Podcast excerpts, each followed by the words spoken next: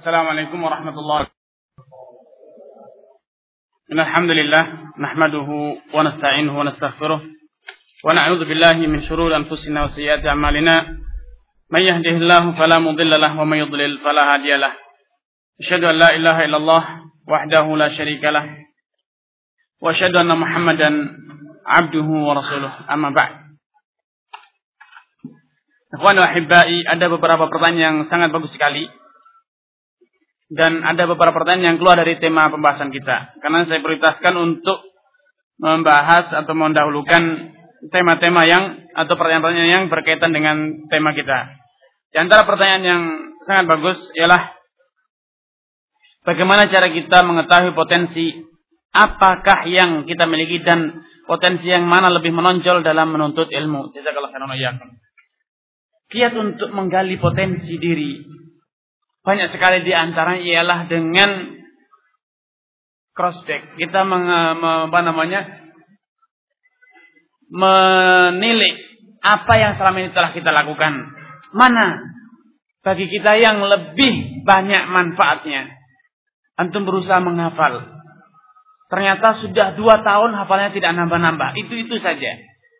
Kalau antum sudah menggunakan metode menghafal yang benar, yang baik, ternyata tidak nambah-nambah. Nambahnya pun hanya sedikit ketahui bahwasanya potensi antum dalam hafalan lemah.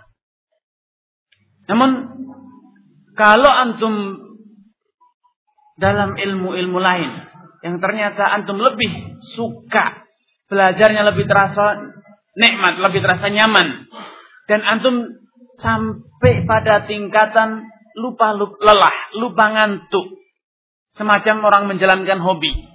Kalau sudah menjalankan ini, mempelajari buku tentang ini, membaca masalah ini, rasa lelah pun hilang, rasa lapar pun lupa, ngantuk pun tidak terasa. Katailah di situlah potensi antum.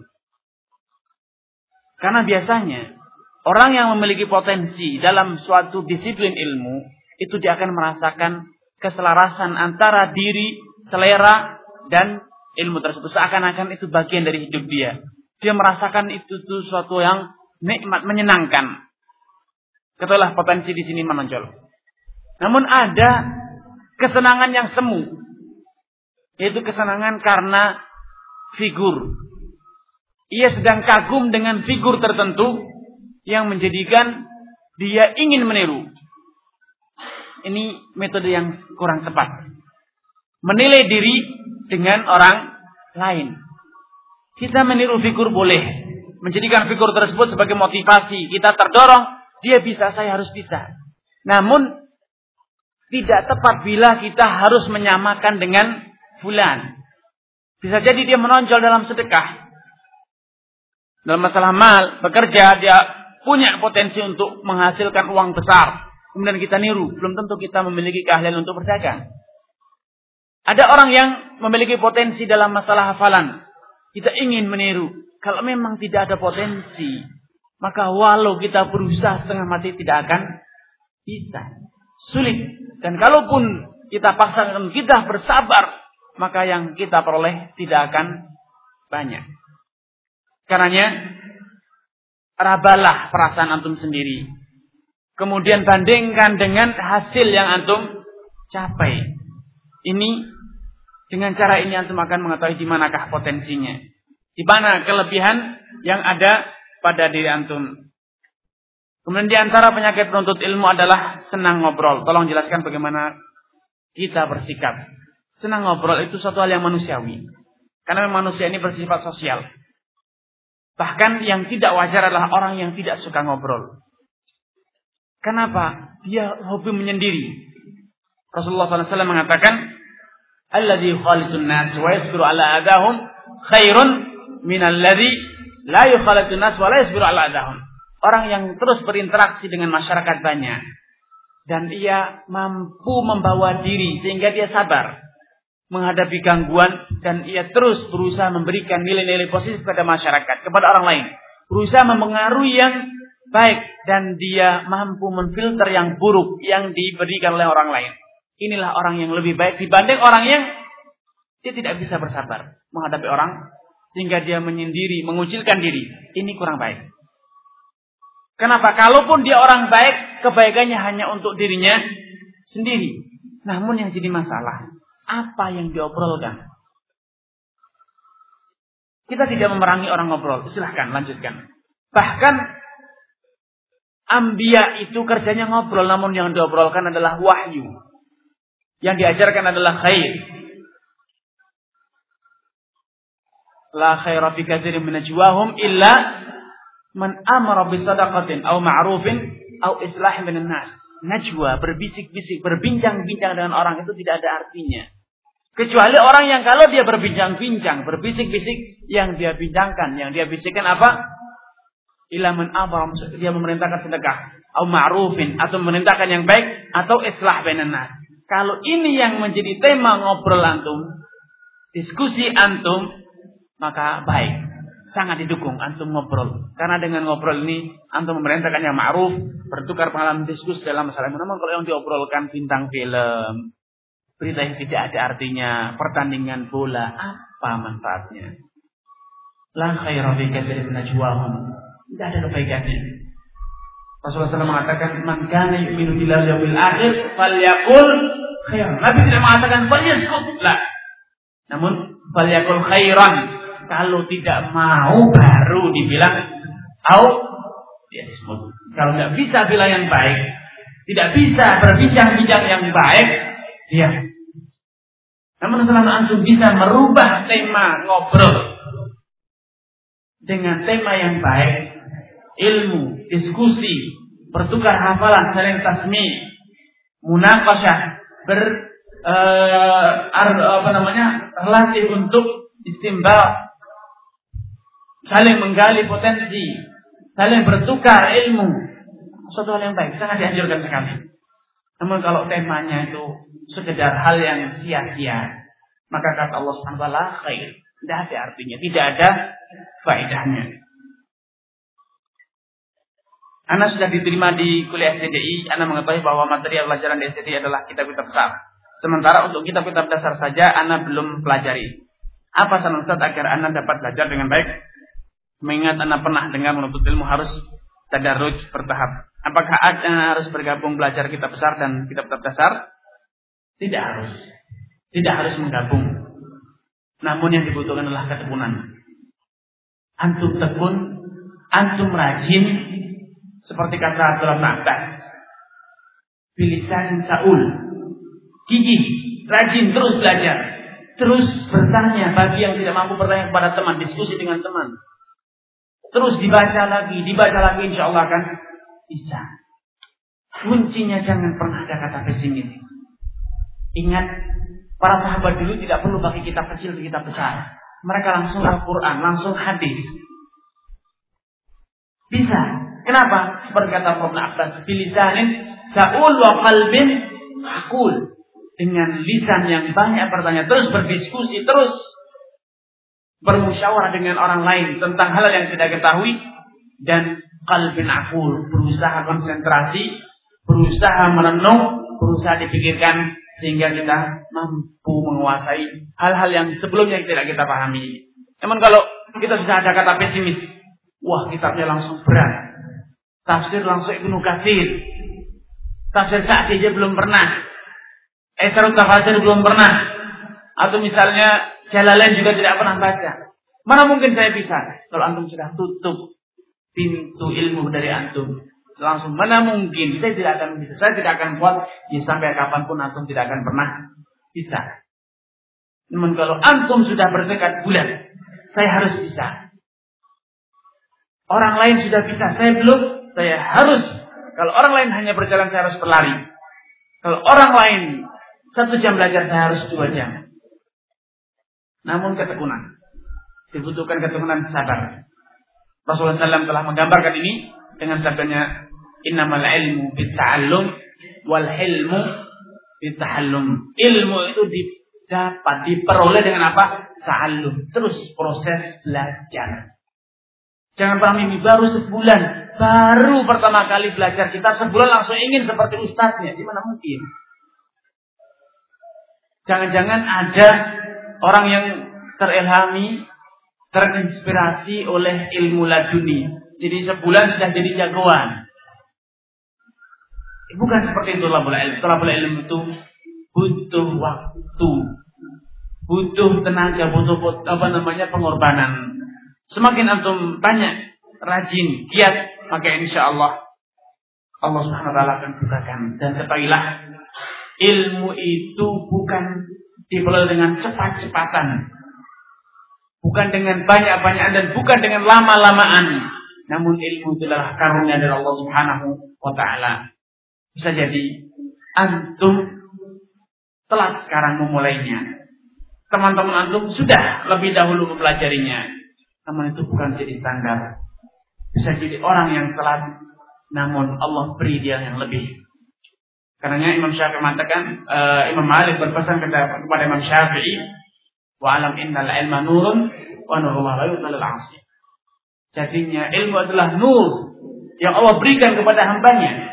Dan ketahuilah cahaya Allah subhanahu wa ta'ala. Nur ini tidak akan Allah berikan kepada orang yang rajin berbuat maksiat. Karena pertanyaan selanjutnya, apa hukum nonton film?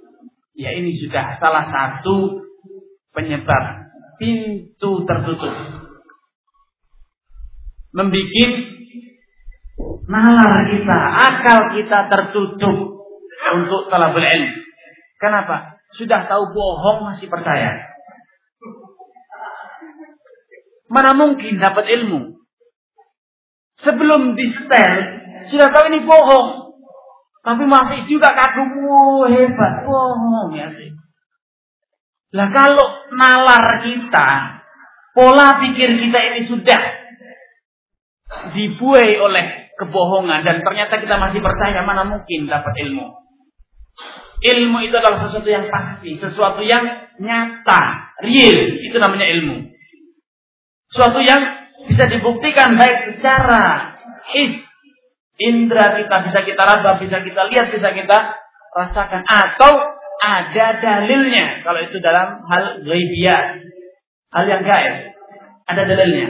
Nah sekarang ini sudah nyata bohong. Masih juga dipercaya. Bahkan kita berikan potensi kita waktu akhir malam. Takut ketahuan ustadznya. Mana mungkin akan dapat ilmu.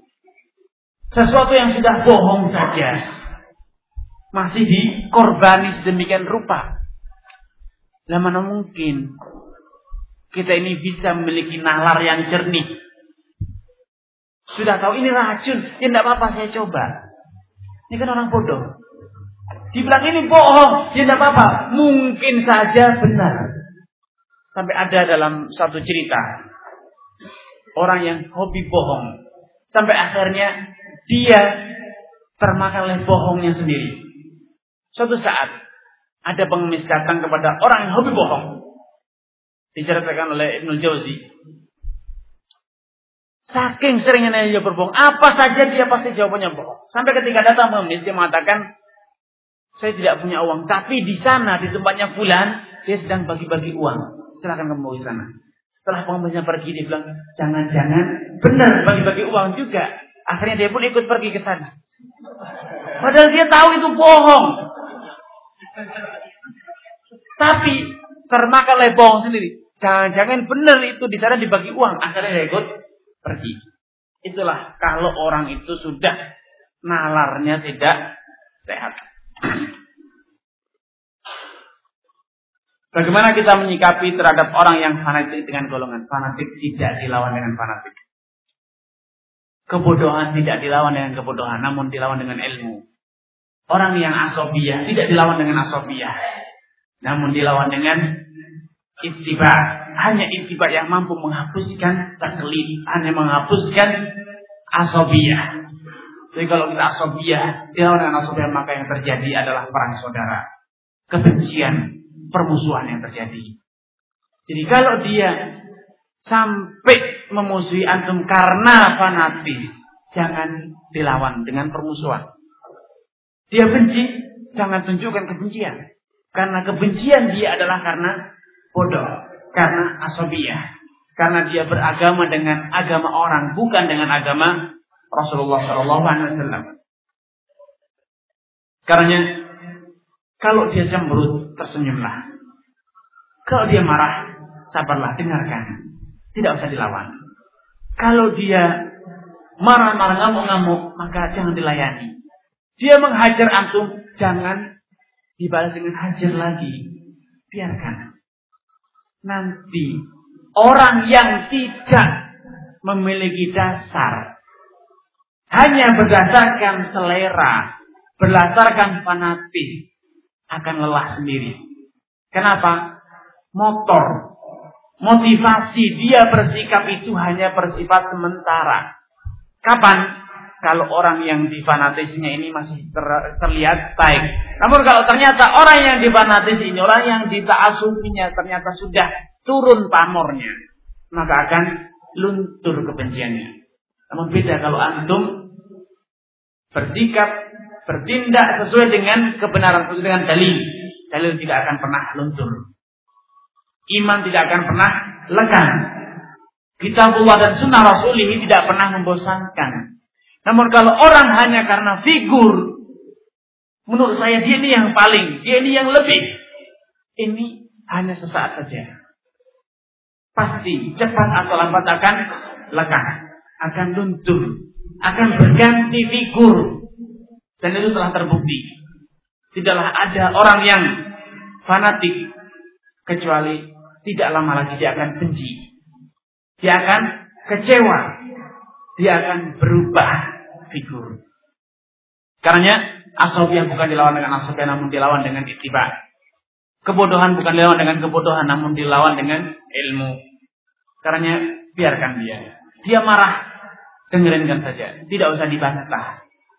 Kenapa? Dia ini semboyannya apa pun yang keluar dari A pasti benar dan apa pun yang keluar dari B pasti salah. Buat apa dibantah? Tidak ada artinya. Kalaupun antum datangkan Al-Quran, dia katakan tidak seperti itu pemahamannya. Kalau Al-Quran antum datangkan saya Bukhari Muslim, dia tidak percaya. Jangan-jangan hadisnya palsu.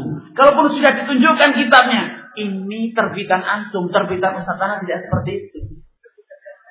Berkata seperti dalam patah Arab, anazah walau tarat. Semboyan orang yang asobiah.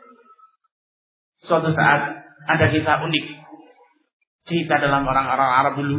Bagaimana pola pikir orang yang asabiyah. Ada dua orang penggembala. Atau orang Arab Badui.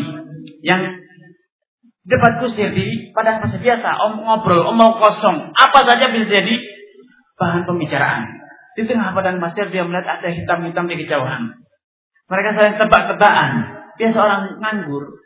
Apa itu? Yang satu bilang anazah domba, kambing. Itu adalah kambing.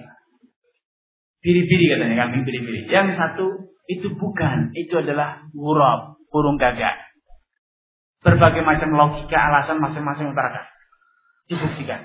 Ayo kita datangi. Ternyata mabur. Kata yang mengatakan itu biri-biri katanya, itu tetap biri-biri walaupun sudah terbang. Jadi orang yang fanatik Orang yang ta'asub. Apa pun dalil antum. Selama antum yang baca salah. Dan apa pun dalil ustadz saya. Benar walaupun salah. Ini orang asal. Jangan dilawan. Biarkan. Dan kaidahnya seperti kata Allah Subhanahu wa taala, "Wa idza khatabahumul jahiluna qalu salama." Ini jahil. Ta'assub itu adalah jahlun bukan ilmu. Makanya Ibn Abdul Bar mengatakan al-muqallid, orang yang taklid itu disepakati oleh ulama mereka itu bukan ulama.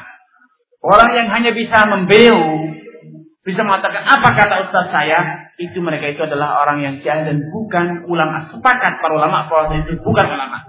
Karena tidak perlu didebati, tidak perlu diajak diskusi. Kenapa? Tidak ada artinya.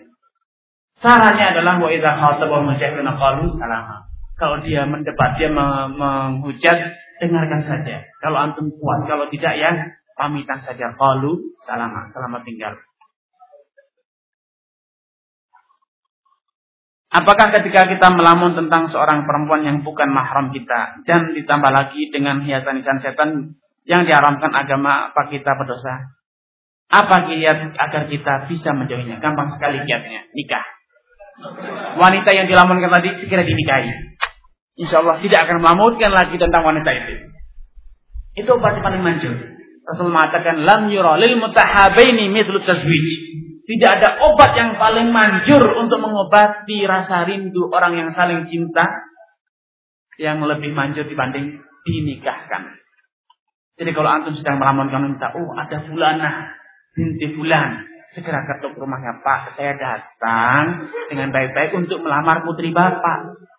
Diterima, Alhamdulillah saudara yang datang, terima kasih setelah memberikan kehormatan saya nikahkan sekarang juga. Insya Allah tidak ada lagi lamunan. Itu obatnya. Makanya tidak ada obat untuk mengobati lamunan tentang lawan jenis kecuali nikah. Kalau ditolak, gampang sekali. Dunia ini luas.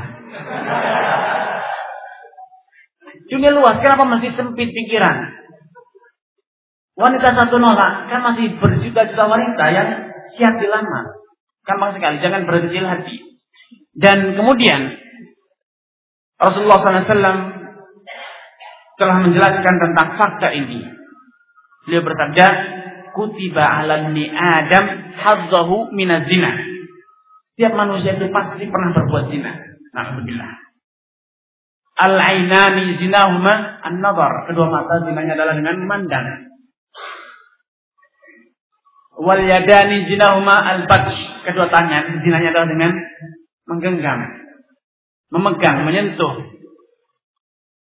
Dan wal qalbu yatamanna zalika. Hati itu melamun.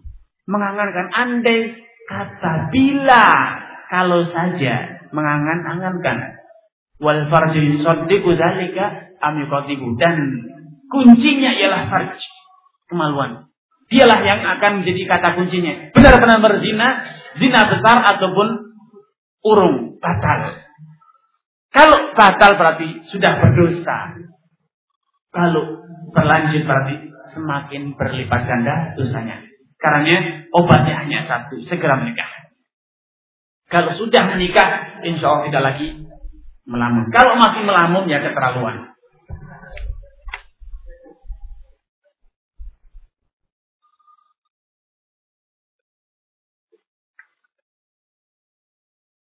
Bagaimana cara menghindari sifat riak dalam beribadah dan menuntut ilmu? Apakah bermalas-malasan dalam membaca Al-Quran, sholat sunnah, dan menghafal hadis dijadikan alasan untuk menghindari sifat riak?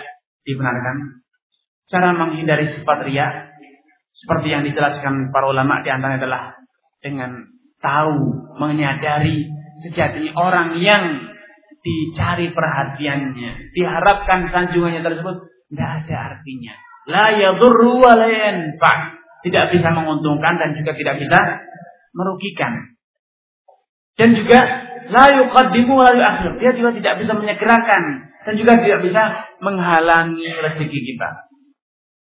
Kalau kita bisa menumbuhkan kesadaran bahwasanya ad-dar wa nafi'u Allah yang bisa memberi manfaat, bisa menguntungkan, bisa mencelakakan itu hanya Allah, kita akan ikhlas. Namun jadi tantangan besar bagi kita adalah karena kita manusia yang salah praduga. Mengira bahwa ada kekuatan selain Allah yang mampu ya wa yanfa.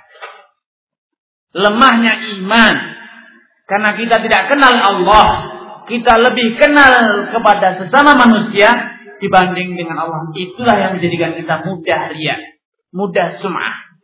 Karena kalau kita ingin ikhlas, kenalilah Allah. Ini syarat pertama. Bagaimana mau ikhlas kalau ternyata kita sendiri tidak kenal siapa itu Allah? Semakin kita kenal Allah, maka insya Allah kita akan semakin ikhlas. Dan semakin kita memupus harapan dari sesama manusia, maka kita akan semakin ikhlas. Ini kiat pertama. Kiat kedua, untuk bisa ikhlas dan terhindar ria ialah dengan cara beribadah di tempat yang sunyi. Seperti yang kata Rasulullah gambarkan dalam Sab'atun yudhillahumullah. Tujuh golongan orang yang akan dinaungi di bawah arah Allah Ta'ala. Yang di antaranya adalah warajulun tasaddaqa fi sadaqatin fa'ahfaha. Orang yang kalau bersedekah disembunyikan sampai-sampai tangan kirinya tidak tahu apa yang dikeluarkan oleh tangan kanannya. Gambar benar-benar dia rahasiakan. Namun sering kali kita malah menceritakan. Seringkali kita malah mencari momentum di mana orang banyak baru kita berbuat, baru kita melakukan. Seringkali kita baru tumbuh semangat notolabul ilm kapan? Kalau rame, rame. Kalau sendiri, malas. Kemudian kiat ketiga, agar kita bisa ikhlas. Ialah kita menyadari bahwa riak semua itu malah menggugurkan semua amalan kita. Akhirnya amalan kita sia-sia. Ilmu kita malah menjadi biang petaka. Seperti dalam hadis awal satu awal man tusya'aru Jika golongan orang yang kelak akan dijadikan orang pertama yang merasakan mencicipi siksa neraka. Di antaranya adalah rajulun al Quran, orang yang belajar, menghafal, membaca Al-Quran, namun ia membacanya bukan karena lillah, tapi karena apa? Liuqala huwa qari. Akan mendapatkan julukan dia orang yang alim, orang yang berilmu, orang yang rajin membaca Al-Quran, rajin belajar. Kalau kita tahu awakib akibat dari ria, kita senantiasa ingat itu justru ini akan mencelakakan bukan menguntungkan, maka dengan insya Allah kita akan bisa ikhlas. Namun sering kali kita lupa itu. Kemudian kiat yang keempat adalah dengan banyak memohon pertolongan dari Allah Subhanahu wa taala untuk diberi ikhlas dan dilindungi dari ria. Karena di antara doa yang diucap oleh Rasulullah SAW diajarkan kepada umatnya ialah beliau mengatakan Allahumma inni a'udzubika an usyrika bika wa ana a'lam wa astaghfiruka bima la a'lam. Ya Allah aku berlindung kepadamu untuk berbuat syirik. Di antara riya itu adalah syirik. Sum'ah itu adalah syirik. Ujub itu adalah bagian dari syirik. Syirik asghar wa ana a'lam. Sedangkan aku dalam keadaan sadar sepenuhnya bahwa itu adalah kesyirikan Wa astaghfiruka fima la alam dan aku memohon ampunan dari dosa-dosa syirik yang tidak aku ketahui.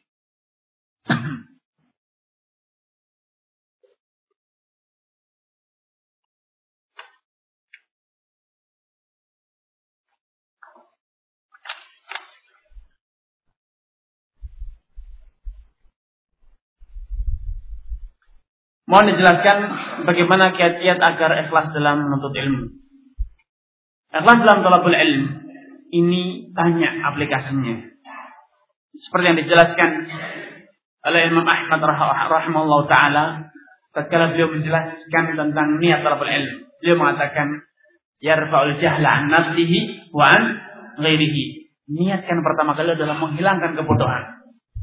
Bodoh dengan segala bentuknya bodoh tentang Allah, bodoh tentang Rasul, bodoh tentang diri sendiri, bodoh tentang orang lain, bodoh tentang jannah, tentang neraka, e, bodoh tentang hari kiamat, bodoh tentang status dan arti dunia, dan berbagai macam bentuk kebodohan. Dan kemudian meniatkan untuk menyelamatkan saudaranya dari kebodohan. Ini kiat pertama, menyadari fungsi ilmu. Kemudian kedua, agar bisa ikhlas. Tadi seperti yang dijelaskan, kita memutus harapan dari orang lain. Kemudian ketiga, kita banyak bersuhbah, berteman dengan orang yang baik. Karena biasanya teman ini walaupun tidak berkata-kata, dia keberadaan dia di sebelah kita ini akan membawa membawa, membawa suasana tersendiri bagi kita yang akan menjadikan kita lebih mudah ikhlas. Kemudian juga dengan banyak membaca siar biografi para ulama Kemudian juga dengan banyak isti'adzah berlindung kepada Allah Subhanahu wa taala, memohon kepada Allah Subhanahu wa taala agar dijauhkan dari riya, sum'ah dan lain sebagainya seperti yang dijelaskan.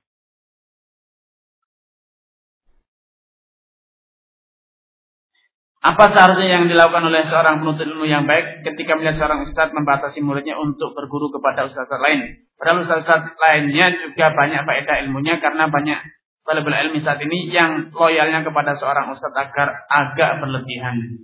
Bukan hanya sekarang, dari zaman dahulu seperti itu kenyataannya. Jadi jangan kaget. Yang pertama, jangan kaget yang dilakukan. Ini hal klasik. Bukan hal baru.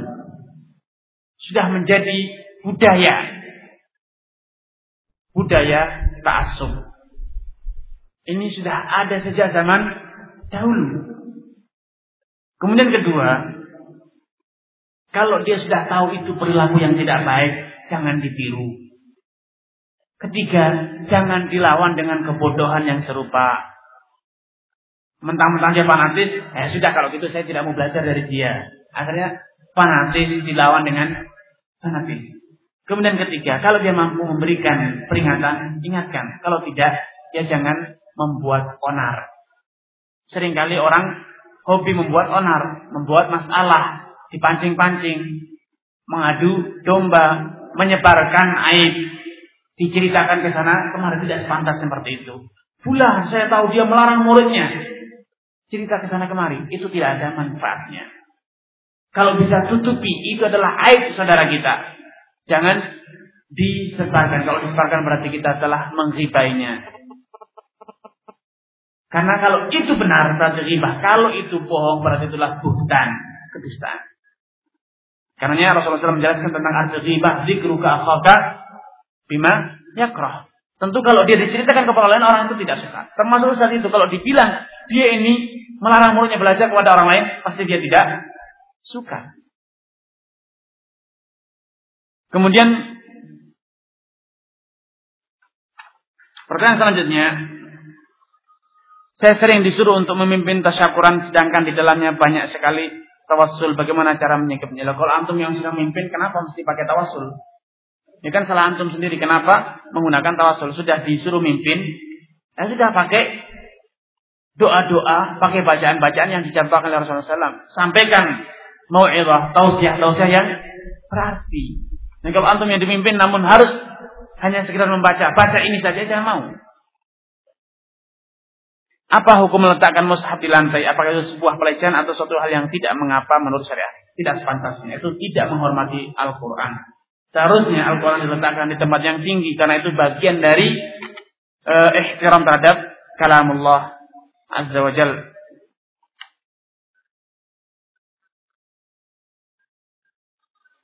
Di bulan Ramadan, Ana sering menjadi Bilal Tarawih. Apakah tentang Bilal Tarawih ada dalilnya? Tidak ada seorang imam dalam tarawih langsung merapikan saf. Yang sudah siap silakan, yang belum ya segera menyusul. Rasulullah SAW tidak pernah mencontohkan adanya komando as-salatu jami'ah misalnya atau ucapannya serupa. Tidak pernah ada contohnya.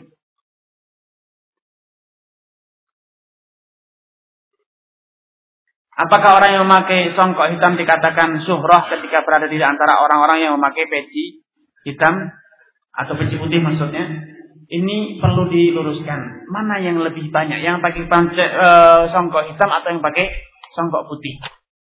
Masyarakat Indonesia lebih banyak yang pakai songkok hitam.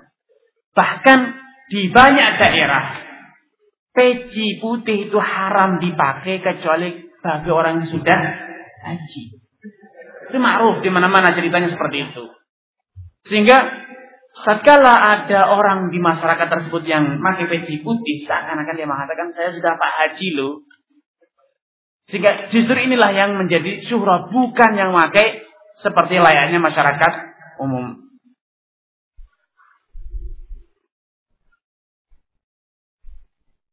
Dan kemudian perlu diingat, klaim bahwa mengenakan peci hitam di komunitas peci putih itu syuhra, itu adalah pengakuan bahwa kita hidup eksklusif.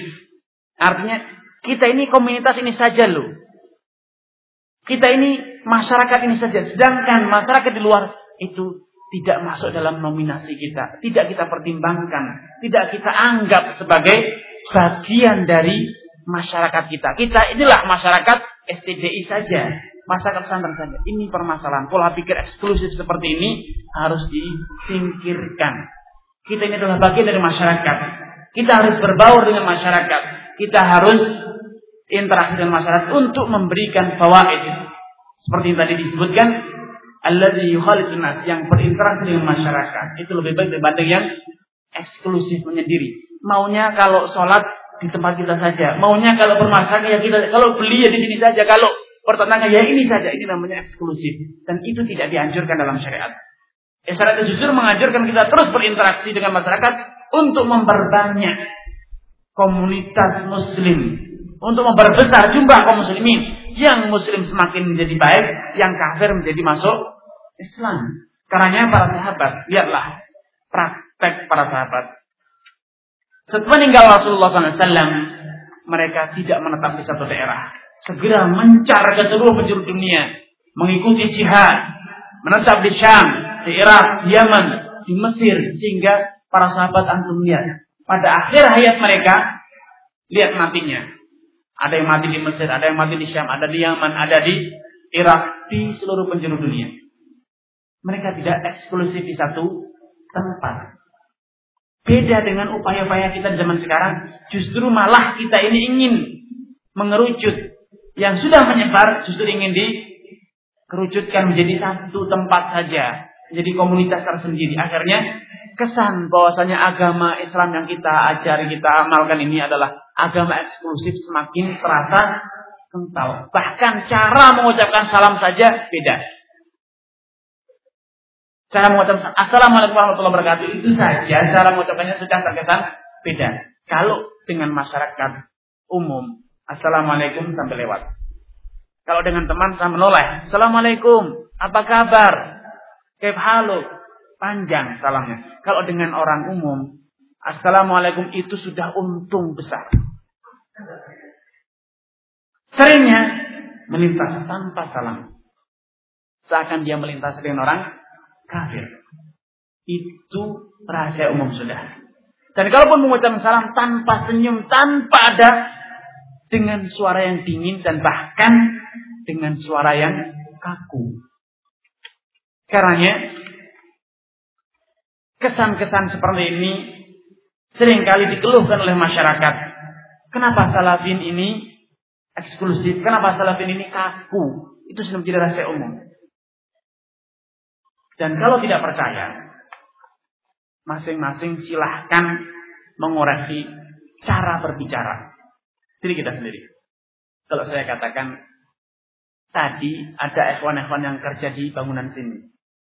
Pasti antum akan heran. Oh, tidak jenggotan. Isbal kok dibilang ikhwan. Dan memang mereka orang kafir. Mereka orang muslim bekerja di bangunan. Kalau bilang ada akhwat jangan keluar. Ternyata ibu-ibu tukang sayur gendong. Pasti aku mungkin heran. Itu kok dibilang akhwat. Ya memang dia ikhwan. Dia kan juga. Namun ini pola pikir ucapan yang kelihatan sederhana ini. Kalau kita renungkan. Itu mengarah kepada kesan eksklusif.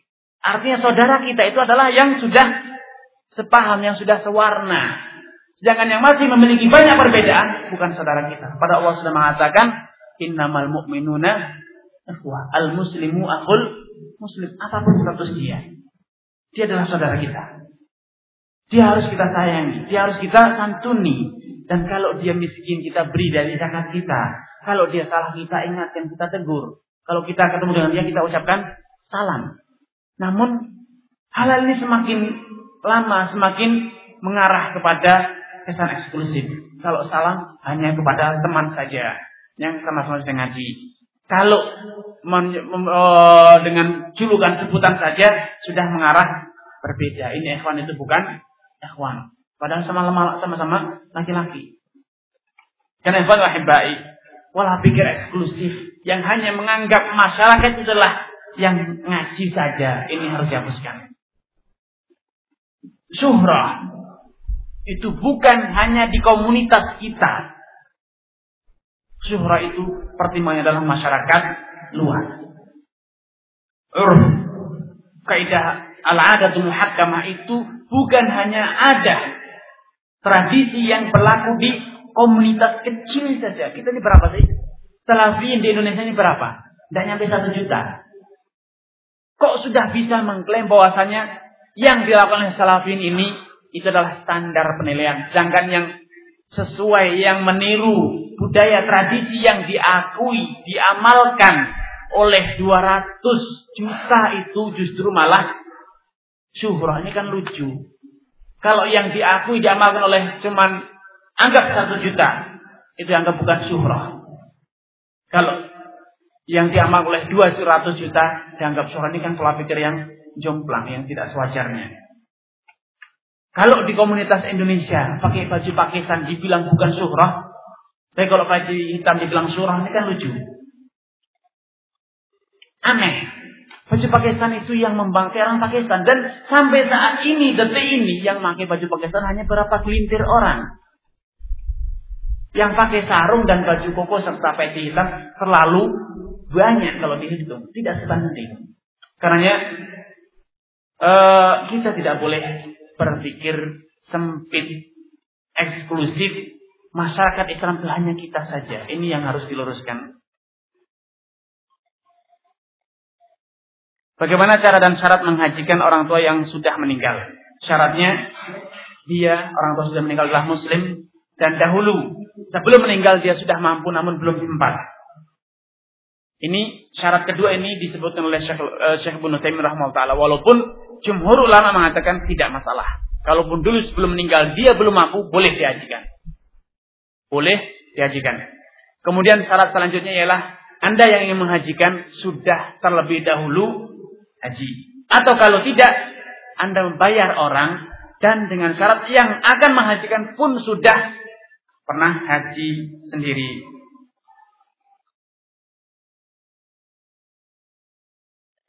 Siapa yang berhak untuk menghajikan orang tua karena orang tua sudah mendaftar naik haji tapi belum waktunya sudah meninggal? Ya ahli warisnya. Anaknya adalah yang paling layak untuk menjalankan ibadah ini.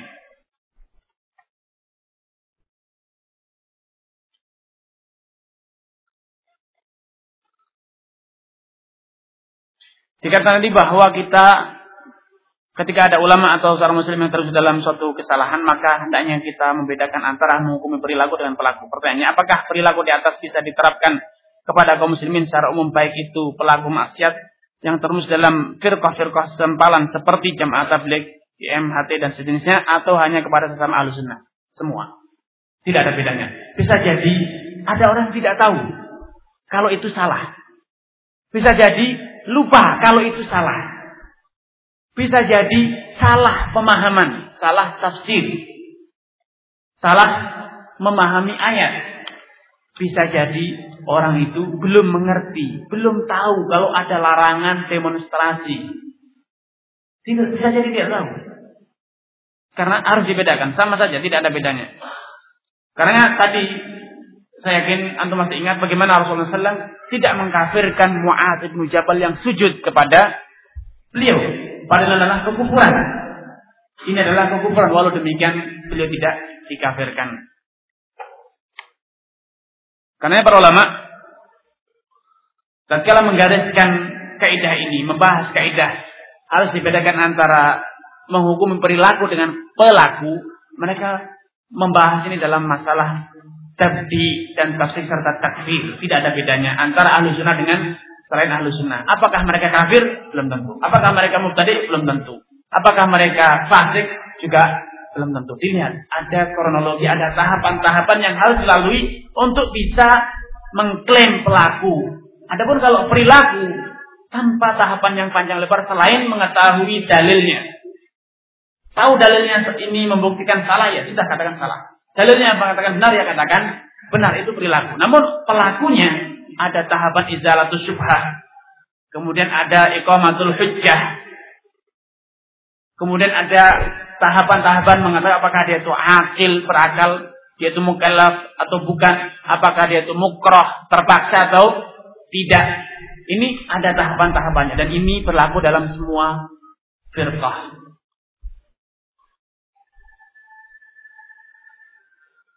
Apakah boleh bagi kita ketika telah menguatkan untuk memilih suatu pendapat dari pendapat yang mesti diperselisihkan para ulama lalu kita menahan dalam menerapkan pendapat tersebut dikarenakan khawatir terjadinya fitnah.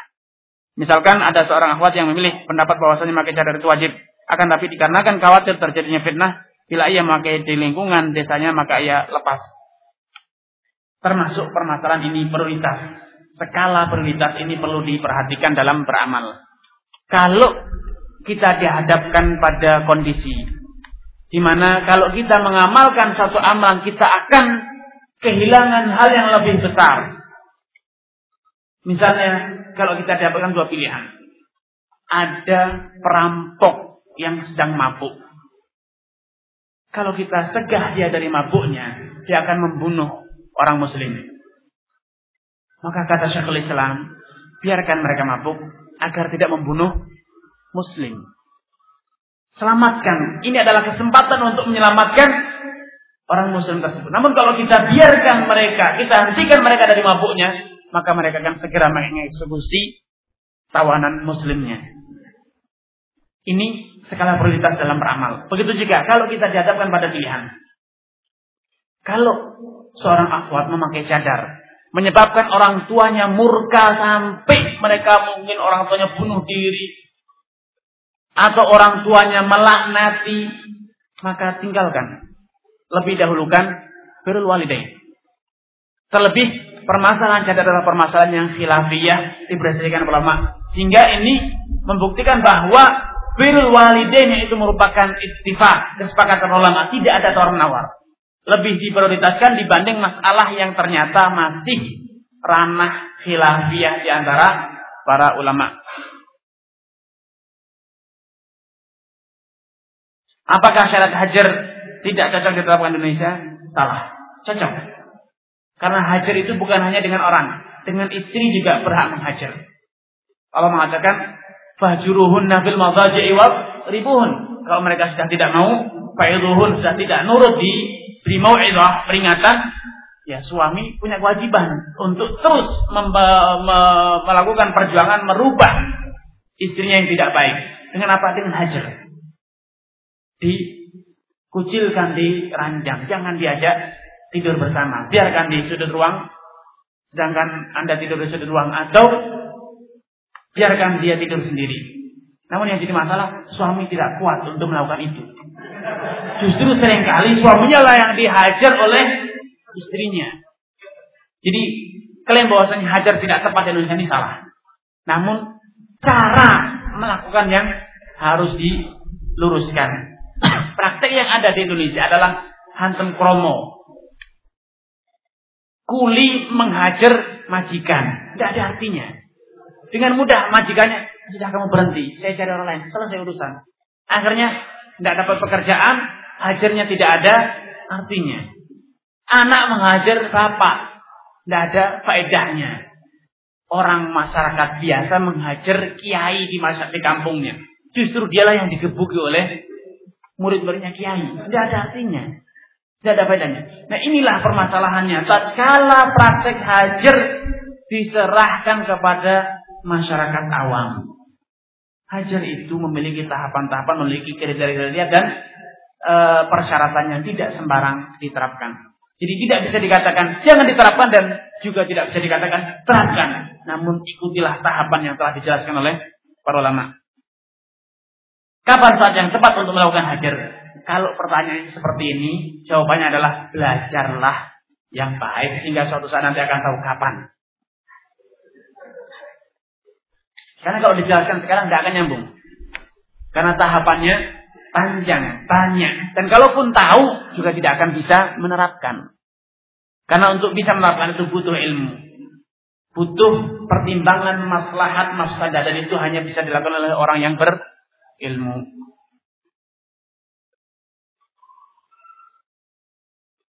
Toleransi yang dijelaskan tadi apakah untuk hal-hal yang bersifat istihadiyah ataukah untuk hal yang bersifat umum? Yang mana hal-hal yang sudah pasti kebedahannya jika hanya untuk hal-hal yang bersifat istihadiyah lantas bagaimana bentuk dan batasan-batasan toleransi dalam hal-hal yang sudah jelas kebedahannya? Ini kayaknya yang bertanya tadi ngantuk. Dari pertama contoh yang disebut oleh Syekhul Islam bukan istihadiyah. Masalah-masalah yang qat'iyah. Masalah-masalah yang sudah ada hadisnya, ada dalilnya, ada nasnya. Tahrimul khamr jelas. Ada hadisnya, kullu muskirin khamrun wa kullu kham wa kullu muskirin haram. Setiap yang memabukkan itu khamr dan yang setiap memabukkan itu haram. Walau demikian, Abu Hanifah memiliki pendapat yang lain. Khamar itu menurut beliau hanya minuman memabukkan kalau terbuat dari anggur. Selainnya itu disebut dengan nabi, bukan khamar. Sehingga boleh diminum. Bukan istiadah lagi. Dalam masalah yang mansusah. Walau demikian, seperti yang antum dengar tadi, Syekhul Islam menekankan pentingnya toleransi. Beda antara menghukumi perilaku, menghukumi pendapat dengan menghukumi pelaku dan yang berpendapat. Silahkan kembali dibaca kitabnya. Contoh-contoh yang disebut oleh Syekhul Islam bukan masalah-masalah ijtihadiyah saja. Bahkan masalah-masalah yang mansusah dalam Al-Quran dan dalam As-Sunnah.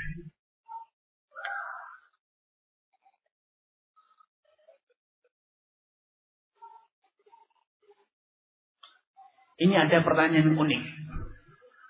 Yang hasilnya nanti STDI dan yang lainnya bubar. Bagaimana komentar antum tentang orang yang mengatakan, ngapain belajar ilmu banyak-banyak? Bukankah kalau banyak ilmu tambah besar tanggung jawabnya dan menambah beban di akhirat kelak?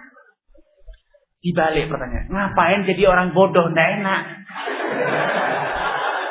Apa enaknya jadi orang bodoh? Dikibuli di mana-mana. Salah di mana-mana. Sholat salah. Puasa salah. Makan salah. Tidur salah. Apa enaknya? Semuanya salah. Kan tidak enak. Enak kan berilmu. Sholatnya benar, puasanya benar, zakatnya benar, makan pun benar. Nikah pun benar. Ini kalau orang bodoh, nikah saja salah. Kan jadi masalah. Semuanya serba disalahkan. Mau nikah salah. Kenapa? Ini tidak cocok jadi istrimu. Aduh, milik istri saya salah. Itu resikonya jadi orang bodoh. Kalau orang jadi orang ilmu ngapain saja benar. Ngapain saja benar karena dia beramal sesuai dengan ilmu yang dia miliki. Tapi kalau orang bodoh mau nikah saja, boleh tidak saya nikah dengan fulan? Mau memberi nama anak saja, boleh tidak saya memberi nama anak seperti ini? Mau ngasih nama saja bingung. Itu resikonya jadi orang bodoh. Silakan pilih. Mau jadi orang bodoh atau jadi orang pintar? Memang resiko. Kalau bertambah ilmu itu tanggung, tambah tanggung jawab. Namun kalau bodoh juga resikonya lebih besar. Kenapa? Semua urusan hidup salah. Mau buang air besar saya salah. Kenapa? Masuk toiletnya kaki kanan dulu. Ditegur salah masuk toiletnya. Eh, mau buang air besar aja salah. Apa aja salah. Itu resiko orang bodoh. Silahkan pilih. Bagi yang ingin jadi orang seperti itu semuanya salah, ya silahkan. Bagi orang yang ingin pandai, ya ahlan wa sahlan. Makanya Allah mengatakan hal yastawil ladzina ya'lamun wal ladzina la ya'lamun. Tentu tidak beda. Tidak beda kan sama. Nah, selanjutnya silahkan milih.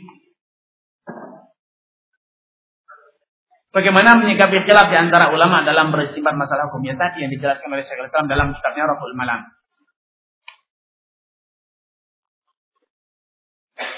Bagaimana sikap kita apabila ada orang yang meminta infak ke rumah kita dikasih?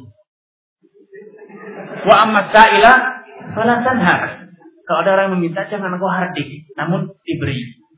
Ya, itu sikap kita kalau ada orang yang meminta-minta. Namun yang perlu ditelusuri lebih jauh, benarkah orang ini butuh? Benarkah dia ini layak diberi? Ada orang yang hobinya minta-minta. Kalau orang yang kelihatan muda, kuat, dia bisa bekerja, jangan diberi. Ingatkan, puasa meminta-minta itu haram bagi orang yang seperti Anda. Bagaimana hukum seorang wanita yang menghabiskan masa iddah setelah meninggal suaminya di rumahnya sendiri bukan pada rumah suaminya? Dan berapa lama masa iddah perempuan yang ditinggal mati oleh suaminya? Tidak boleh wanita untuk tinggal di rumah selain rumah yang dihuni oleh suaminya ketika dia meninggal. Karena itulah ketentuan iddah. Dan masa iddah wanita yang ditinggal oleh suaminya itu adalah 10, 4 eh, bulan 10 hari.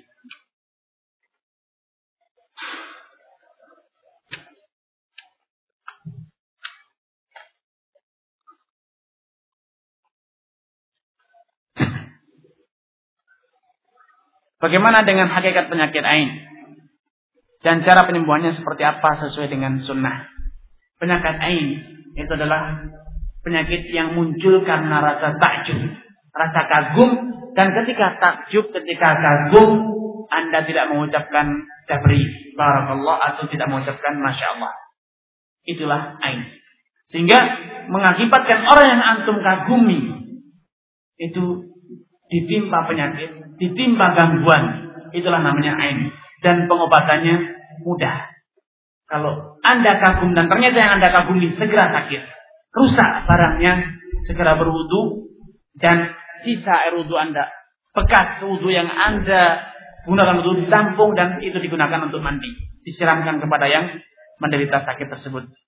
Atau kalau tidak tahu siapa yang kagum dengan Anda, maka dengan rukyah syariah, dengan bacaan-bacaan doa dan bacaan-bacaan Al-Quran Al-Karim.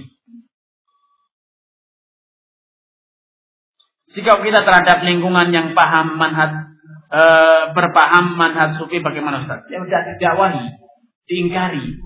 Man ra'a mungkaran falyughayyiru biyadi.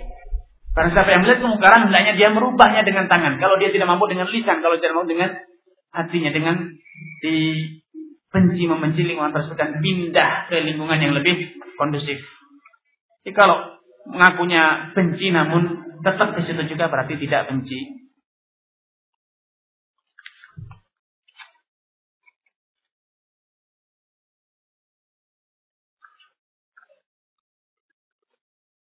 Apa hukumnya sperma laki-laki yang disimpan pada tempat tertentu kemudian sperma tersebut maksudnya tang mani?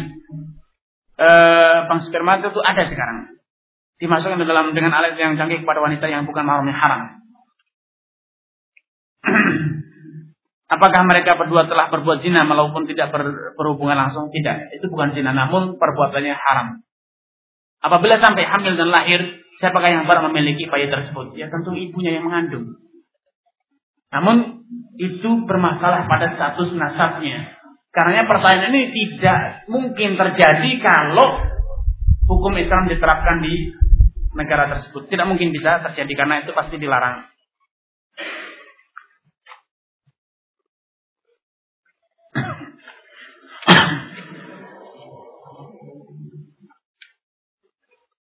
Dalam kitab Majmu' Fatwa juz 22 halaman 522, beliau Ibnu Taimiyah membela zikir jamaah ini dusta besar. Ini tidak di, tidak membaca dengan baik. Ini bagikan orang yang membaca fawailul musallin kemudian Allahu akbar. Saya sudah baca tadi dan ternyata Syekhul Islam mengatakan kalau sesekali boleh, namun mudawamah tidak. Jadi beliau tidak membela. Beliau mengatakan tidak ada contohnya. Namun sesekali dilakukan boleh. Kalau terus menerus tidak. Jadi bukan pembelaan. Justru kalau dipahami dengan baik, yang mengatakan, oh ternyata saya memerangi pikir jam akan dia menjelaskan itu tidak ada contohnya. Apa yang harus kita lakukan jika ada teman yang sering memuji kita? Segera ambil tipu taburkan ke mukanya. Kata Rasulullah SAW, "Idza ra'aitumul maddahina fahtu fi wujuhihim turab." Kalau engkau melihat orang yang hobi memuji, segera taburkan debu di wajahnya. Ingatkan, tegur, jangan suka memuji itu perilaku yang tidak baik. Apa nasihat antum agar kami tidak merasa lebih dari orang lain karena kadang-kadang hal seperti itu terbesit di dalam hati. Merasa lebih. ada yang terpuji, ada yang tidak. Ada yang tercela. Terpuji bila kita merasa lebih dalam hal dunia. Kita merasa lebih Alhamdulillah. Rezeki yang kita terima lebih banyak dibanding orang lain. Itu terpuji sekali. Sehingga antum bisa bersyukur. Tatkala antum merasa lebih dibanding orang lain. Karena di antara adab etika yang diajarkan Rasulullah SAW kepada kita. Tatkala kita melihat orang yang ditimpa musibah. Kita mengucapkan Alhamdulillahilladzi afani mimma bihi wa faddalani ala katsirin mimman khalaqa tafdila ya sama alhamdulillah segala puji hanya milik Allah yang telah menyelamatkan diriku dari apa yang menimpamu dan Allah ternyata melebihkan aku dibanding kebanyakan manusia. Jadi merasa lebih dalam urusan dunia itu terpuji. Tingkatkan. Tumbuh syukurkan agar antum bisa bersyukur. Namun merasa lebih dalam hal iman. Dalam masalah amal dalam masalah pahala ini harus diperangi. Karena dalam masalah dunia, lihatlah orang yang di bawah. Kalau untuk urusan akhirat, lihatlah orang yang di atas. Antum senantiasa merasa kurang, bukan merasa lebih. Dan untuk menumbuhkan kesadaran bahwa untuk urusan dunia kita ini merasa lebih dan urusan akhirat ini merasa kurang, ialah dengan banyak-banyak mengingat aib kita, mengingat kekurangan kita, kesalahan kita, kejelekan kita, dosa-dosa kita. Karena Abdullah bin Mas'ud ketika menegur orang yang berzikir jamaah, beliau mengatakan, Uddu sayiatikum, hitunglah dosa kalian. Ngapain ngitung zikir? Apa untungnya antum menghitung zikir sudah seribu, dua ribu, tidak ada faedahnya. Karena sudah Allah hitung. Antum mewakili Allah. Biar tidak capek, ya Allah saya hitungkan. Buat apa? Allah sudah hitung, Allah sudah tahu. Punya malaikat yang menulis amalan antum. Jadi tidak usah khawatir akan ada yang terselip. Tidak dicatat oleh malaikat. Jangan khawatir. Namun dosa kita lah yang harus kita hitung. Karena pesan Abdul Mas'ud. Uddu sayiatikum. Hitunglah dosa kalian. Itu yang penting. Agar kita tidak sombong. Rajin-rajin menghitung dosa. Itu insya Allah dengan kita menghitung dosa kita tidak akan sombong. Dan kita akan merasa ternyata dosa kita lebih banyak karena dahulu sebenarnya mengatakan Lau anna lidzambi rih dosa itu memiliki aroma, ini saya tidak akan ada orang yang tahan duduk di sebelahku. Ini tawaduk para ulama, tawaduk para salaf bagaimana mereka menyadari tentang dosa mereka, kesalahan mereka.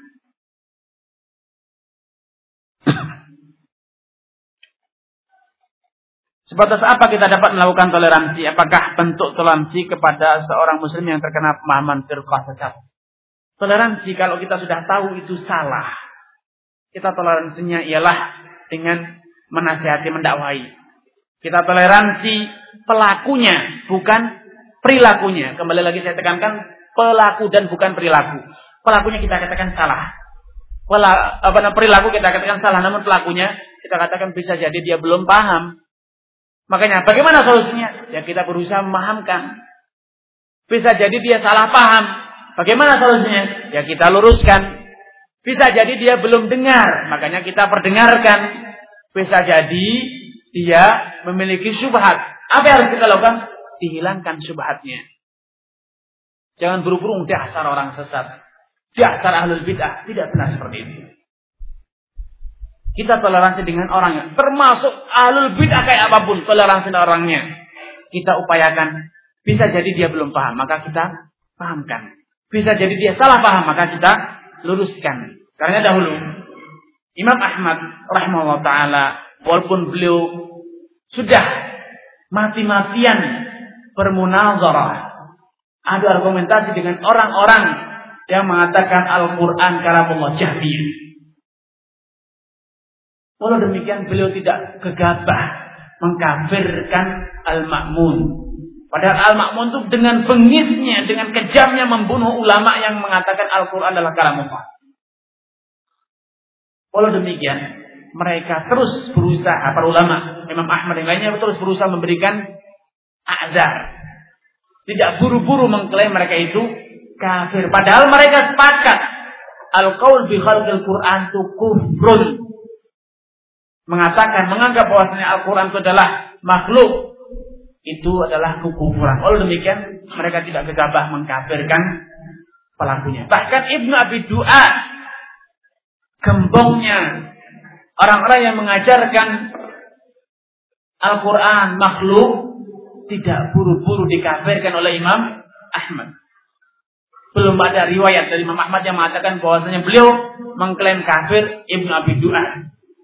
Padahal sudah berkali-kali Ibnu Abi Duat dikalahkan dalam adu argumentasi dengan Imam Ahmad dalam munazarah dengan Imam Ahmad lalu demikian beliau tidak buru-buru mengklaim.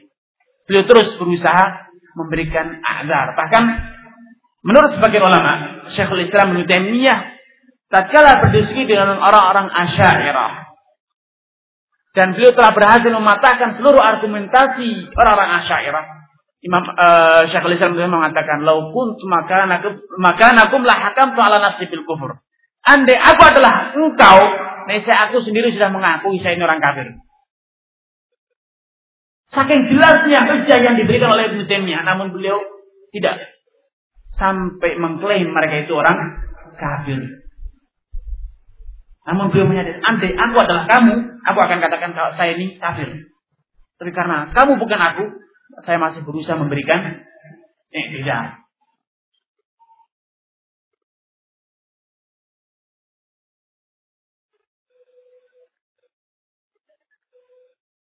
Ini ada pertanyaan yang serupa tadi. Apakah termasuk ihmak jika saya mengenakan songkok hitam plus batik untuk menghadiri kajian majelis ilmu yang notabene penghuninya mengenakan gamis maupun jubah beserta peci putih? Tidakkah saya menyulut fitnah karena tampil beda di tengah-tengah mereka? Dibalik. Harusnya pertanyaan dibalik. Apakah termasuk hikmah saya tinggal di masyarakat yang notabene pakai songkok hitam kemudian pakai peci hitam sendiri? Apakah termasuk hikmah kalau saya tinggal di masyarakat yang semua pakai sarungan, kemudian saya pakai Pakistan. Apakah termasuk hikmah? Kalau saya hidup di negeri yang semuanya pakai congkok hitam, kemudian saya pakai ubel-ubel Yaman. Cara berpikir, cara memandang itu jangan hanya sepihak. Namun dari dua arah. Kita jangan hanya berpikir komunitas kita. Namun di mana Anda hidup? Bukankah sebelum hadir majelis taklim itu kita datang dari berbagai RT, berbagai desa, berbagai kota. Kenapa kita merasa adem ayem? Sepanjang jalan, sepanjang rumah, di komunitas kita, di kampung kita, di perumahan kita. Namun kalau ada orang yang di tengah-tengah kita beda, kita merasa orang ini aneh, nyeleneh sendiri. Padahal sebelum kita mengatakan dia nyeleneh, kita sudah dikatakan orang lain, Oh, meh memang. Makanya jangan suka berpikir sepihak. Karena sebelum bertanya, coba tadilah kamu tuh datang dari mana? Ya kan dari masyarakat yang semuanya songkok hitam sendiri pakai ubel-ubel Yaman. Baru ketika sudah sampai di majelis taklim, baru ketemu dengan komunitasnya. Kalau sudah selesai, naik angkot ya kembali lagi. Ubel-ubel sendiri. Pakistan seorang diri yang lainnya sarungan yang lainnya pakai baju koko yang lainnya pakai baju biasa. Karena jangan hanya bisa memandang dari sudut kita sendiri. Coba sesekali berpikir kalau saya sebagai tetangga saya kira-kira persepsi dia tentang saya apa? Inilah pola pikir yang adil. Karena Rasulullah SAW pada satu hari sering kisah ini saya nukil-nukil, saya ingat-ingatkan agar kita ini bisa berpikir objektif. Suatu hari Rasulullah dihadapkan dengan orang yang berpikir seperti ini, enaknya sendiri, menang sendiri. Ketika Rasulullah SAW sedang di tengah para sahabatnya di masjid, tiba-tiba ada seorang pemuda yang mengatakan, Ya Rasulullah, izan lebih zina. Ya Rasulullah, izinkan aku ini zina. Sekali saja. Sudah tidak kuat dia menahan syahwat. Ya izan lebih zina. Izinkan aku ini berzina ya Rasulullah. Kan pola pikir egois. Mau enak sendiri. Rasulullah tidak marah. Para sahabat yang kala itu hadir, pahamu bihi. Mereka gerget ini orang ini kurang ajar sekali. Minta izin lah kok zina gitu. Tidak tanggung-tanggung. Minta izin tidak puasa itu masih mending. Karena apa? Masih ada alasan. Sakit. Alasan apa namanya mau safar. Ada alasan untuk tidak puasa. Tapi kalau zina, ada alasankah? Pernahkah ada kondisi tertentu yang seseorang itu diizinkan zina? Tidak ada. Tapi kalau untuk tidak puasa, ada. Wa yang kuntum ala sabrin, yang kuntum marada wa ala sabrin fa'idatun min ayamin ukhar. Nah ini izinnya kok keterlaluan. Namun Rasulullah tidak marah. Para sahabat geram. Namun Rasulullah SAW orang yang bijak. Mengatakan kepada pemuda tersebut, Nuh, mendekatlah. Maka pemuda tersebut terus mendekatkan dirinya kepada Rasulullah SAW sampai benar-benar berada di hadapannya dan lututnya melekat dengan lutut Rasulullah SAW.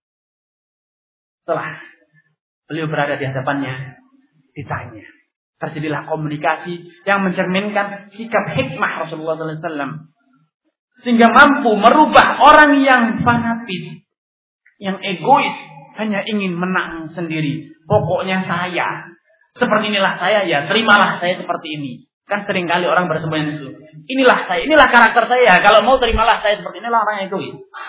Rasulullah SAW dirubah pola pikirnya. Ditanya, Atar li umik. Kamu rela kalau ibumu sini orang? Spontan. Orang seegois apa pun dia tidak akan rela kalau tahu ibunya sedang sini orang lain. Pasti akan bangkit kecemburuannya. Ya tidak ya Rasulullah. Begitu juga orang lain juga tidak ada rela ibunya kau zinai. Kalau engkau punya anak perempuan, rela anak perempuanmu di sini orang? Tidak ya Rasulullah. Begitu juga tidak ada seorang bapak yang rela putrinya engkau zinai. Berpikirlah yang adil. Jangan egois hanya bisa memandang dari sudut mata sendiri. Saya mau, saya suka, ya saya jalankan. Inilah pola pikir egois. Ingat, orang akan yang sebagai objek korban perbuatanmu juga punya perasaan, punya hati. Bukan engkau sendiri yang punya selera, dia juga punya selera. Engkau rela saudarimu, bibimu, semua dijawab tidak ya Rasulullah. Dan semuanya dijawab ditimpal Rasulullah wa kadzalikan nas. La yardun.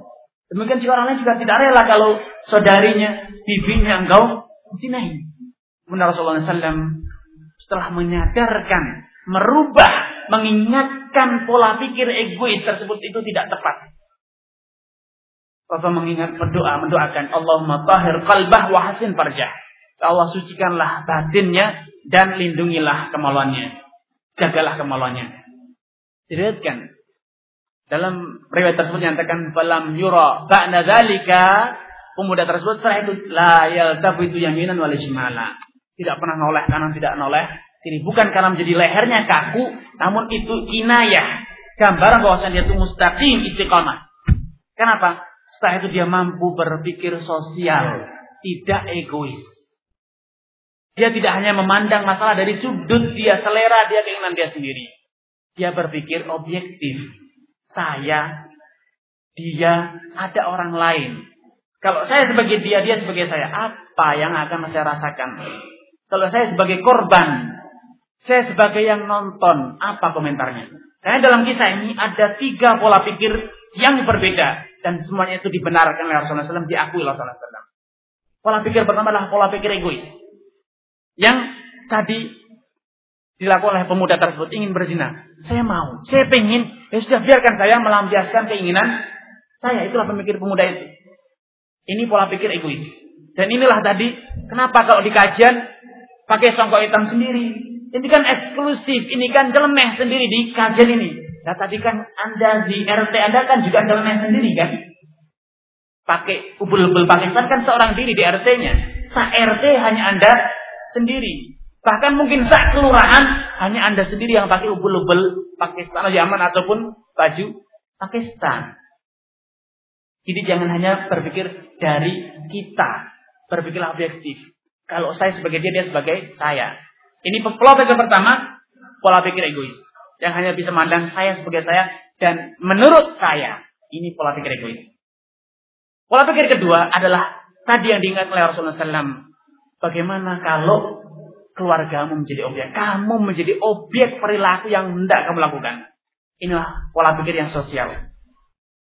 Berusaha mengerti, mengetahui, menyadari bagaimana perasaan objek perbuatan kita. Dan ini yang diisyarat Rasulullah SAW dalam sabdanya, La yu'minu ahadukum hatta yuhibba li akhihi ma yuhibbu li. Dan pola pikir ketiga adalah pola pikir penonton. Penonton itu tanpa beban, tanpa pikir panjang, pragmatis, langsung seperti yang ditunjuk oleh para sahabat. Fahamu bihi, nggak mikir resiko, motivasi, alasan kenapa. Pokoknya orang ini kurang ajar harus dikebuki. Ini pola pikir penonton. Nah, seorang muslim harus bisa memiliki tiga pola pikir yang lengkap ini. Sebelum Anda bertindak, pikirkanlah kalau saya sebagai objek.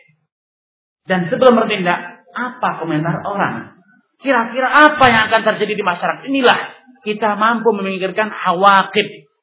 Dampak negatif dari perbuatan ucapan kita. Apa nanti persepsi Dan ini yang dimaksud Rasulullah SAW ketika Umar bin Khattab minta izin untuk membunuh Abdullah bin Ubay ibnu Selalu dia mengatakan layakulun inna Muhammadan yang dulu ashabu jangan sampai ada image, ada kesan yang timbul di masyarakat bahwa Muhammad itu tega membunuh sahabatnya sendiri.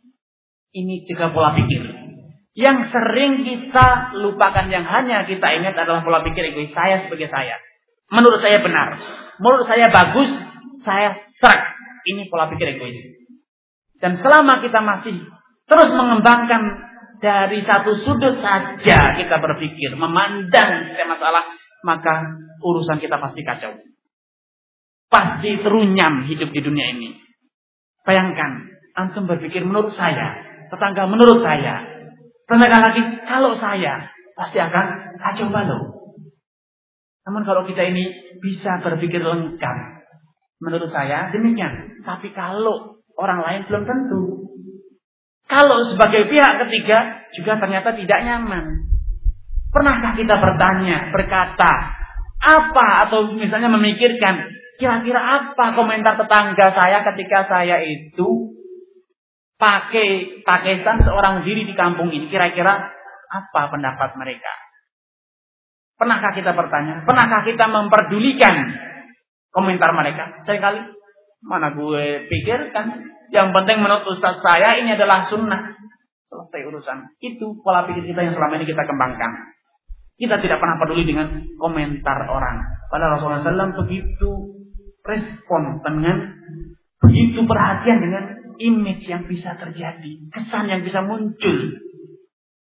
Itu juga sering kali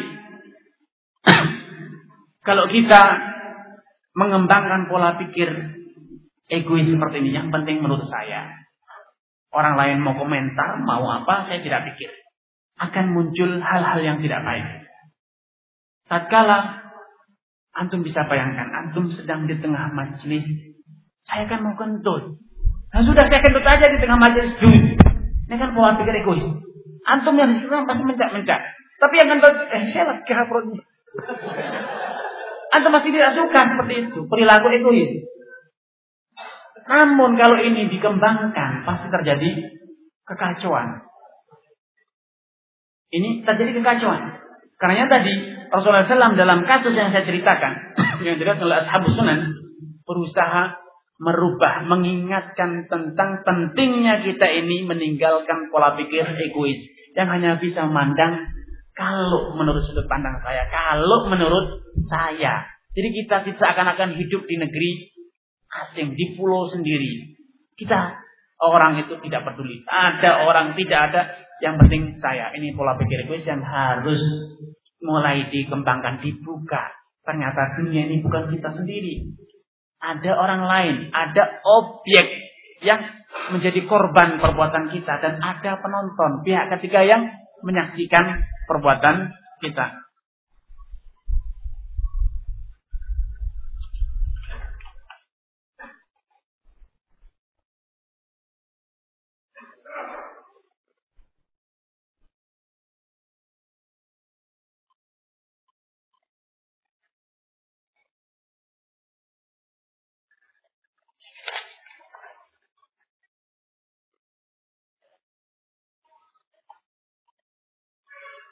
Bagaimana cara menyuguhkan beberapa perbedaan para ulama kepada masyarakat yang ta'asub?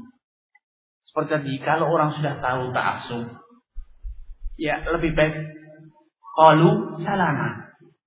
Kalau sudah ta'asub itu tidak ada pilihan lain biasanya kecuali apa kata kiai saya, apa kata ustaz saya. Tidak ada manfaatnya kita terjun dalam debat dengan mereka atau diskusi dengan mereka karena tidak ada manfaatnya.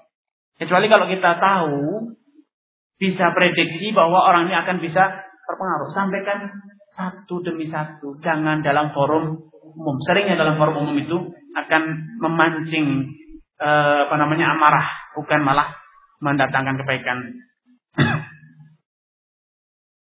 Dari manakah dakwah seorang terhadap masyarakat yang tidak ada kajian masalah? Tentu dari tauhid, tidak ada lain.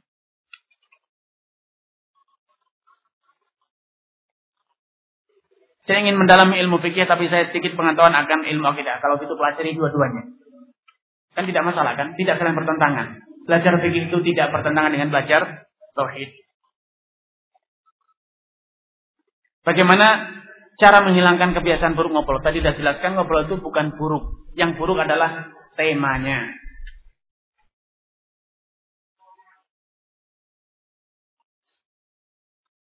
Siapakah yang berhak menentukan seseorang itu ahlul bid'ah? Tentu ulama. Orang yang sudah memahami bagaimana kriteria, bagaimana tahapan-tahapan mengklaim seorang itu dinyatakan sebagai ahlul bid'ah. Kalau klaim ini diserahkan kepada semua orang, pasti kacau balau. Apakah kita selaku talibul ilm boleh menentukan bahwa seorang itu adalah mubtadi'? Ya kalau antum sudah paham tahapannya dan bisa benar-benar membuktikan silakan. Namun apa manfaatnya?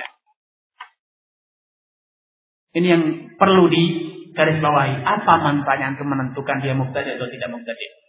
Karena tapi seperti tadi saya katakan, ilmu yang bermanfaat adalah ilmu yang menghasilkan amal.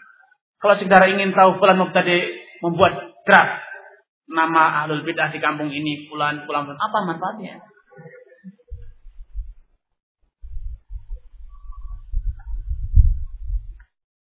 Apakah ada bagaimanakah kesimpulan dari hadis yang melarang adanya majelis sebelum sholat Jumat? Ya. Para ulama telah menjelaskan bahwa karoha atau hikmah larangan untuk membuat majelis sebelum sholat Jumat itu adalah mu'allal. Tujuannya agar tidak timbul kejenuhan. Terlebih jenuh terhadap mau'idah. Terhadap mau'idah apalagi itu adalah mau'idah yang disampaikan dalam khutbah Jumat. Karenanya Dahulu di antara metode Rasulullah Sallallahu Alaihi Wasallam dalam memberikan mau'idah kepada umatnya adalah yatakawwaluna bil mau'idah. Kadang-kadang, sesekali, tidak terus menerus. Nah, karenanya dalam momentum-momentum seperti yang kita adakan ini, ini adalah kegiatan yang tidak rutin, bukan setiap hari. Kalau sesekali, itu insya Allah tidak masalah. Namun kalau itu setiap hari diadakan, jika tentu orang akan jenuh dengan mau'idah. Tadi pagi sudah, khutbah Jumat masih lagi. Namun kalau dalam kondisi tertentu seperti apalagi yang adalah tulabul ilm yang haus untuk mendapatkan ilmu, saya yakin tidak ada e, masalah. Namun sekali lagi saya katakan kalau sesekali saja. Jadi kalau itu rutin ya jangan.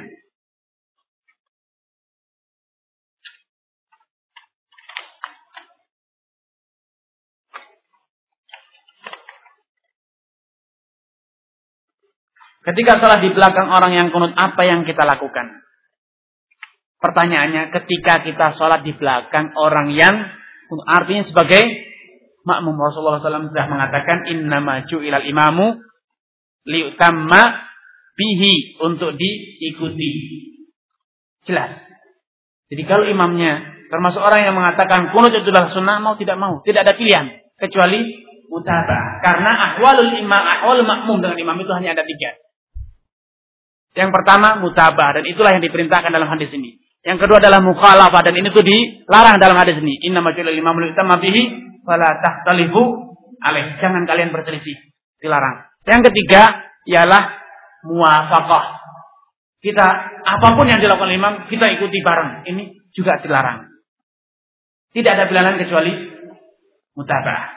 Karena itulah tugas makmum. Kalau Anda tidak ingin kunut, ya jadilah imam. Kalau Anda tidak layak jadi imam, ya jangan maksakan diri. Carilah sholat ke masjid yang tidak menggunakan kunut. Kalau Anda tidak mau untuk kunut, Antum yakin itu adalah bid'ah. Tidak so ya. Cari masjid yang uh, apa namanya ada imam yang tidak kunut. Dan perlu diingat, mutabah itu bukan hanya pada amalan-amalan yang benar saja. Sampai pun amalan bisa terbukti salah, kalau memang imam yang ngotot harus kita ikuti selama itu tidak membatalkan sholat kita. Contohnya ketika Rasulullah SAW lupa duduk tasyahud pertama sehingga beliau berdiri. Maka makmum para sahabat pun mengikuti para imam Rasulullah SAW yang berdiri. Jadi seperti tadi zahir hadisnya jelas sekali inna maju ilal imamu liyutamma diikuti bukan untuk diselisihi. Dan nanti kalau sebaliknya imamnya tidak kunut, namun makmumnya pengen kunut, apa yang harus dilakukan? Apa harus mukhalafah? Tidak, dia harus mutabah. Dia harus mutabah. Apalagi ini masalah-masalah yang masih khilafiyah di antara para fuqaha.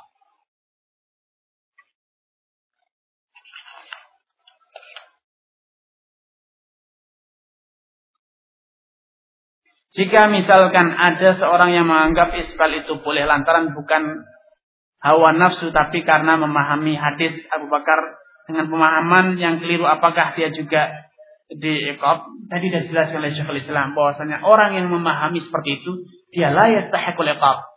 Bahkan yujar dia mendapatkan pahala. Namun asalkan dia itu benar-benar orang yang ahlun bidalika orang yang layak untuk beristihad kalau orang yang tidak layak untuk beristihad namun memaksakan diri beristihad bukannya malah dapat pahala namun malah dapat dosa seperti dalam riwayat man qala fil qur'ani bi ra'yihi faqad akhta wa in.